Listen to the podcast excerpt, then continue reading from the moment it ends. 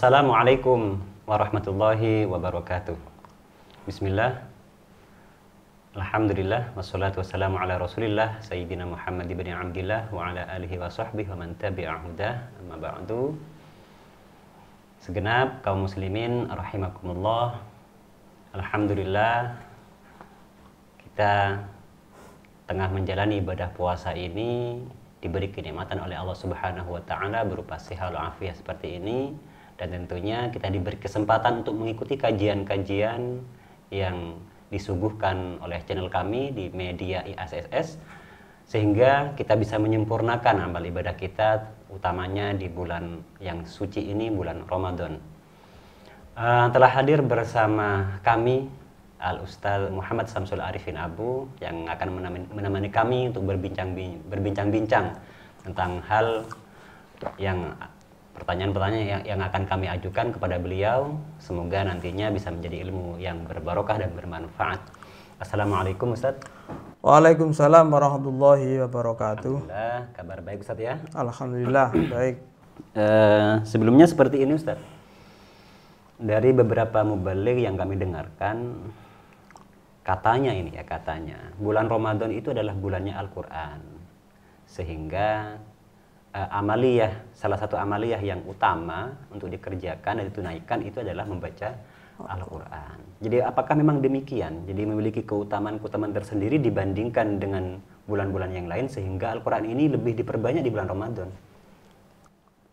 Baiklah, terima kasih. Jadi sila alhamdulillah wassalatu wassalamu ala Rasulillah. Rabbi syrahli sadri wa yassir amri wa hlul 'uqdatam min lisani yafqahu qawli amma ba'd.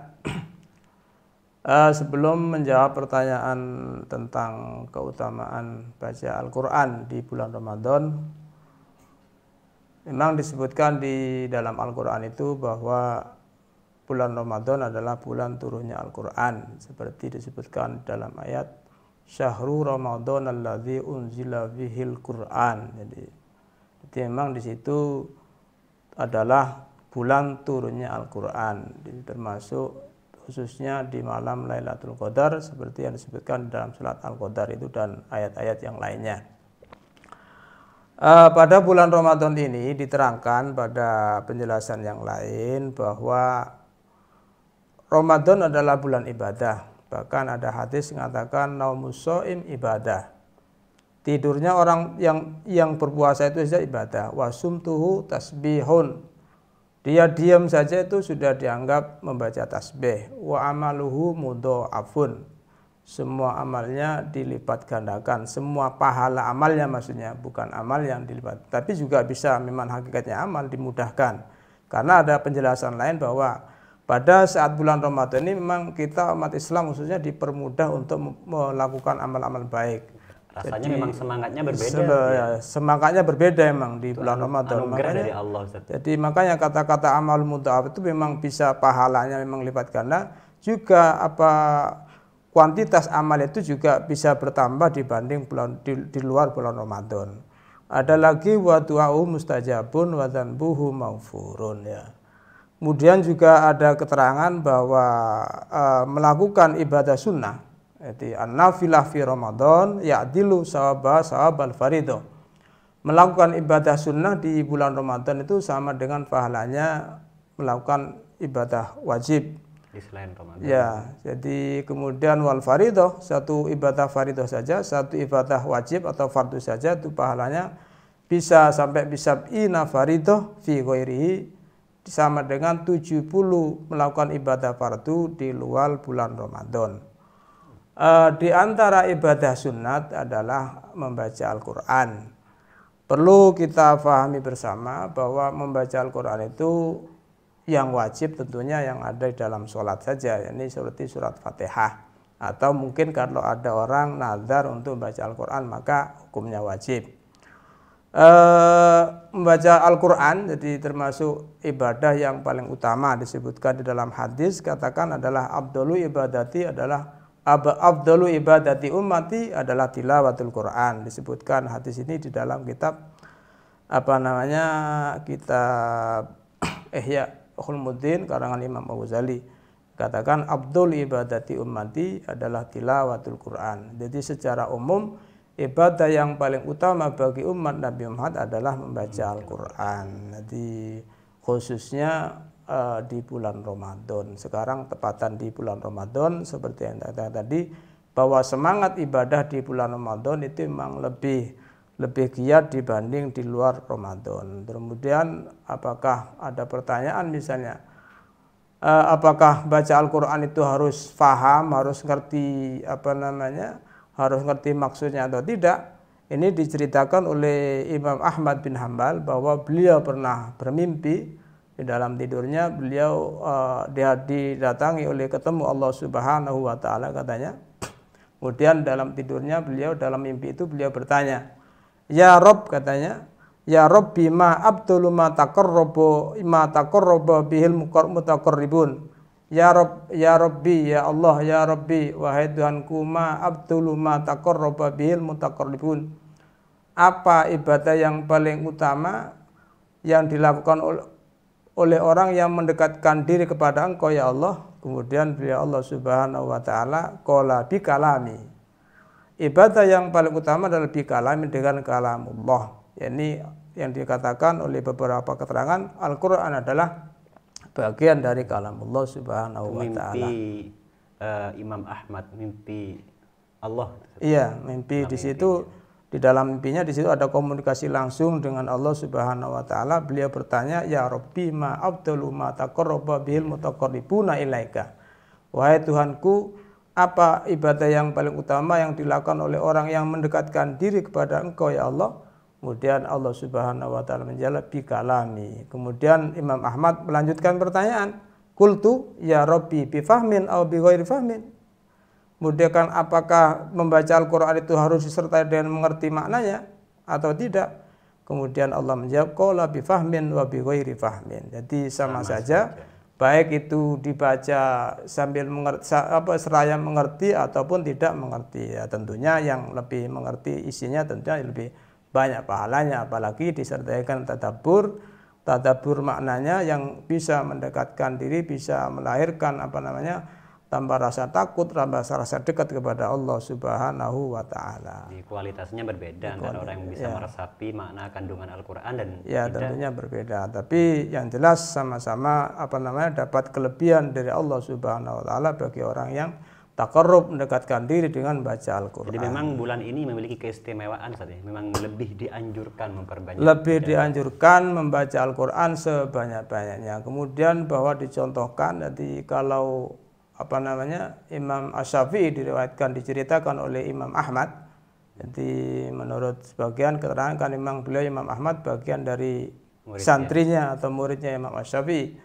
Beliau menceritakan bahwa Imam Ash-Syafi'i setiap hari itu beliau bisa hatam Al-Quran di luar bulan Ramadan hatam satu kali. Di luar Jadi Ramadan. di luar Ramadan hatam satu kali setiap hari. Kemudian kalau di bulan Ramadan katanya beliau Imam Ahad beliau bisa baca Al-Quran hatam dua kali setiap hari. Jadi bayangkan dua kali setiap hari itu pun katanya ada keterangan kullu hafiz salat katanya jadi hatam Al-Quran dua kali itu semua dilakukan di dalam sholat. Entah kita tidak ada, tidak ada penjelasan di situ apakah sholat terawet atau sholat lima waktu atau yang jelas itu penjelasan di sholat atau mungkin dalam sehari sholat itu mungkin sehari semalam sholat itu mungkin hatam dua kali jadi tidak ada penjelasan. Kita juga, juga tidak tahu berapa banyak sholat yang dilakukan oleh beliau Imam Ash-Syafi'i karena kalau kita lihat keterangan di dalam kitab-kitab apa namanya seperti di itu banyak sekali orang-orang orang dulu itu melakukan sholat sampai seribu rakaat. Kalau Imam apa siapa Imam Abdullah Hab, Abdullah Al Haddad itu ya. menjelaskan di dalam kitab Risal Mawana itu bahwa uh, seringan-ringannya sholat itu mestinya bagi orang yang ingin mendekatkan diri pada Allah mestinya minimal 500 rakaat katanya tiap Seringan-ringannya. Ringannya katanya. Jadi mungkin itu ringan menurut beliau mungkin, jadi berat menurut kita itu. Super berat menurut kita. Rasanya tidak apa iya. Ya, kalau kalaupun tidak mungkin hampir ya, tidak mungkin. Hampir tidak mungkin. Ya, dan, dan juga nah. kita tidak bisa membayangkan jadi seperti apa cara melakukan sholat seperti itu itu mungkin sudah kalau paham saya itu bagian dari karomah yang tidak bisa dinalar oleh akal. Jadi mestinya kalau orang secara akal kalau sampai seribu rakaat satu hari ini cuma sekian menit ya sekian 1500 menit kan itu kembali ke baca ya, Al-Quran ya, tadi baik. ya karena memang ini ibadah yang yang paling utama di masyarakat kita sudah sudah ya mempraktikkan itu dengan mengadakan majelis-majelis tadab apa tadarus uh, tadarus Al-Qur'an ya, Al ya. Uh, persoalannya kadang menggunakan pengeras suara di masjid-masjid ataupun ataupun di musola-musola sampai larut malam misalnya. Yeah, kadang baik. tak jarang juga mengganggu uh, istirahat tangga sebelah ataupun yang lain. Baik, melihat ya. ini bagaimana? Uh, sebelum menjawab tentang apa namanya baca Al-Quran seperti yang banyak terjadi di masyarakat kita pakai pengeras suara, Uh, saya perlu menyampaikan dulu tentang sejarah tadarus. Sejarah ada ada sejarahnya ya, berarti? Ya betul. Jadi tadarus ini di antara tujuannya adalah untuk melestarikan baca Al-Quran, bacaan Al-Quran. Diriwayatkan bahwa baginda Nabi Muhammad Shallallahu Alaihi Wasallam, jadi beliau sebelum wafat itu uh, tiap Ramadan dan tiap Ramadan khususnya beliau melakukan bacaan tadarus dengan malaikat Jibril jadi kadang beliau yang membaca, malaikat Jibril yang mendengarkan, kemudian kadang malaikat Jibril yang baca dan beliau yang mendengarkan. Tujuannya adalah di antara untuk tasheh. Jadi untuk meluruskan bacaan atau untuk membenarkan bacaan yang diterima oleh beliau Nabi memang lewat malaikat Jibril.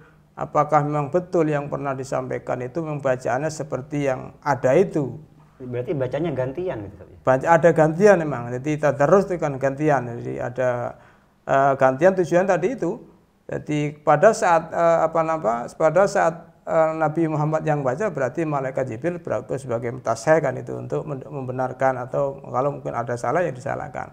Begitu juga pada saat malaikat Jibril yang membaca berarti Nabi secara intifak secara langsung bahwa bacaan yang benar seperti yang disampaikan oleh malaikat Jibril itu. Jadi tujuan utama dari tadarus sebenarnya di sini untuk melestarikan bacaan dan untuk menempatkan bacaan supaya ini betul-betul diabadikan oleh umat umat Islam ini khususnya. Ini di masyarakat kita kadang ala balapan, iya. di balapan kayak cepet-cepetan nah, gitu. Makanya nah, ini kurang baik, kurang tepat tuh Kurang tepat ini mestinya kalau melihat dari sejarahnya tadarus mestinya tujuan uh, apa tadarus, tadarus Al-Qur'an di bulan Ramadan ini bukan untuk banyak-banyak hatam Al-Qur'an. Sekalipun memang dianjurkan tadi untuk membanyak memperbanyak baca Al-Qur'an tapi tujuan utama jangan sampai hilang. Apalagi kalau sampai uh, bacaannya itu al, uh, salah misalnya. Bisa juga apa dilaknat oleh Allah Subhanahu wa taala.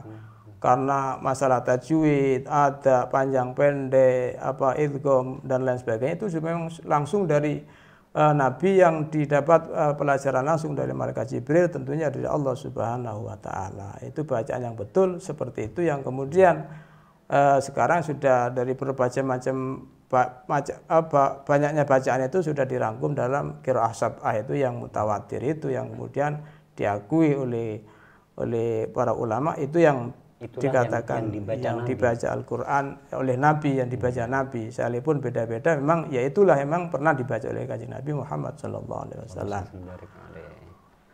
Uh, mengenai apa namanya suara keras ya?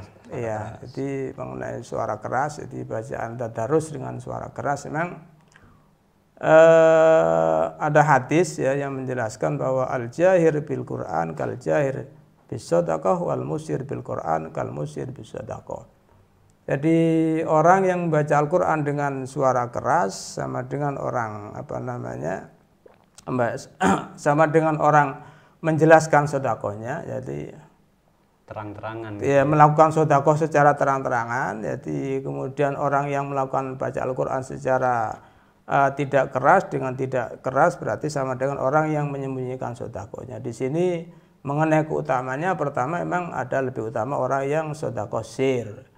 Tapi juga e, keterangan lain masih dilihat dulu. Jadi bagi orang yang alim misalnya dia sudah bisa jaga hati dari dia dan bisa dia adalah seorang panutan maka lebih lebih apa namanya terang lebih baik terang-terangan supaya diikuti sebagai panutan. Intutu sodakot fani imahiyah katanya Al-Quran jika kamu lahirkan terangkan sodakot maka itulah sholaka yang baik lah. Itu di, di, dijelaskan dari para alim di antaranya adalah yang dimaksudkan adalah khususnya bagi orang alim katanya orang sudah menjadi panutan masyarakat bisa menjaga hatinya dari riak maka lebih baik disampaikan secara umum. Begitu juga Al-Quran. Bagi orang yang apa namanya sudah bisa jaga hatinya dari perbuatan ria dari apa dari ria dari ingin dipuji manusia ingin dapat pangkat di hadapan orang lain maka sebaiknya dia baca keras supaya tujuannya diikuti oleh Ikuti. orang lain oleh masyarakatnya. Sebagai kadang contoh kadang tidak ya. ngaji takut riak gitu. Ah, tidak seperti itu saja tidak betul itu. Dengan dengan alasan takut riak itu sebenarnya sudah riak. Sudah, sudah apalagi tidak ada amalnya. Jadi Ria itu setelah amal tentunya. Kalau yeah. sebelum amal sudah ria, apa yang diriakan itu sudah. Iya, betul, Ya, mengenai Jadi jangan ditinggalkan amal ya, hanya karena alasan ria. Lakukan saja lakukan sambil saja. memperbaiki sampai memperbaiki hati. hatinya. Jadi kerjakan dulu, hmm. amalkan dulu ibadahnya kemudian sambil jalan jaga hatinya jangan sampai itu ya. amalnya bukan karena Allah Subhanahu wa ya, taala ya, justru murni karena ingin mendapatkan pangkat ya. dari Allah Subhanahu wa taala. Kita semarakkan tadarus-tadarus di masjid-masjid, ya. di musola-musola gitu semarakkan. Ya, semarakkan tetap Al-Qur'an di sambil tujuan adalah syiar untuk ya. juga untuk seperti tadi untuk melestarikan uh, tadarus yang dilakukan oleh Kanjeng Nabi dengan malaikat Jibril dulu yang sebelum yang pernah dilakukan oleh beliau sebelum wafat. Jadi, Uh, kemudian mengenai hukum hukum baca keras ini memang uh, kadang ada masalah. Jadi khususnya ketika itu memang dianggap mengganggu pada orang-orang yang ibadah khususnya. Jadi kalau dalam lapangan kita di, di, di kasus di lapangan biasanya tadarus dilakukan setelah sholat taraweh. Artinya di tempat itu biasanya sudah tidak ada orang yang sholat. Jadi otomatis biasanya tadarus yang dilakukan tidak akan mengganggu orang sholat. Tapi juga mungkin kadang ada mengganggu pada orang tidur. Jadi, jadi memang ini kalau sampai tujuan mengganggu maka bisa dihukumi. Ada yang mengatakan makruh. Jadi makruh kecuali ya? iya sampai taswis ada adalah makruh. Tapi kalau parah ganggunya juga uh, juga haram. Tapi haram itu dalam arti sisi mengganggunya. Sisi iya taswisnya bukan bacanya. Jadi kalau bacanya tetap berpahala. Pahalanya gitu. tetap berpahala. Bacanya tetap dapat pahala. Tapi sisi taswisnya itu adalah hukum berbeda. Jadi di sini tidak bisa dipukul rata. Kalau kalau itu tidak usah baca saja, tetap silakan baca. Tapi usahakan jangan sampai mengganggu, uh, mengganggu pada orang lain. Apakah dengan cara mengurangi apa pengeras Volume, ya. suaranya, ya. volumenya atau mungkin apa namanya di dikhususkan di sekitar apa musola atau masjid yang ada jangan sampai terdengar dari jarak jauh. Jadi intinya tetap bacaan Al-Qur'an harus tetap dilaksanakan. Masalah ganggunya ini juga masih tidak semua orang masih terganggu sebenarnya. Kadang orang juga ada yang senang ini sebenarnya. Ada yang senang di samping juga di sini juga untuk mengimbangi apa namanya maraknya apa namanya kemaksiat yang sudah ya. disampaikan secara terang-terangan. Ya, aneh saja kalau di kampung-kampung ada dangdutan sampai jam uh, malam ini. dibiarkan begitu saja. Nyatanya kalau tadarus ya ini ini yang yang terjadi penyakit hatinya masyarakat ini iya, ya. Gitu ya. Jadi mereka kalau mendengarkan dangdutan sampai larut malam tidak merasa terganggu, iya. Tapi ketika ada orang tadarusan sampai jam 10 saja sudah merasa terganggu. Iya. Ini kan yang masalah di hati. Yang ya. masalah sebenarnya bukan dari yang baca, jadi orang yang mendengarkan itu sebenarnya sedang bermasalah sebenarnya.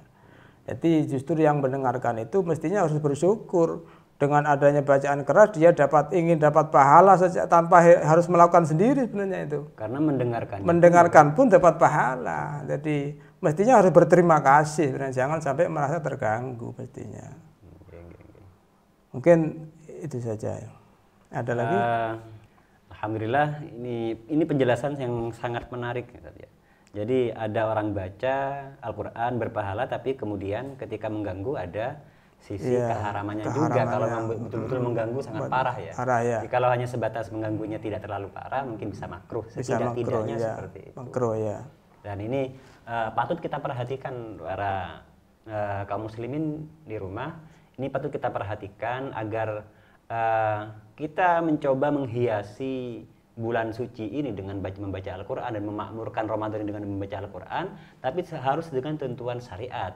Jadi kita baca uh, kalau memang kita dirasa dirasa kuat hati kita, silahkan kita baca keras di depan mereka agar mereka uh, bisa meniru atau, atau setidaknya mendengarkan yang sehingga mendapatkan pahala juga.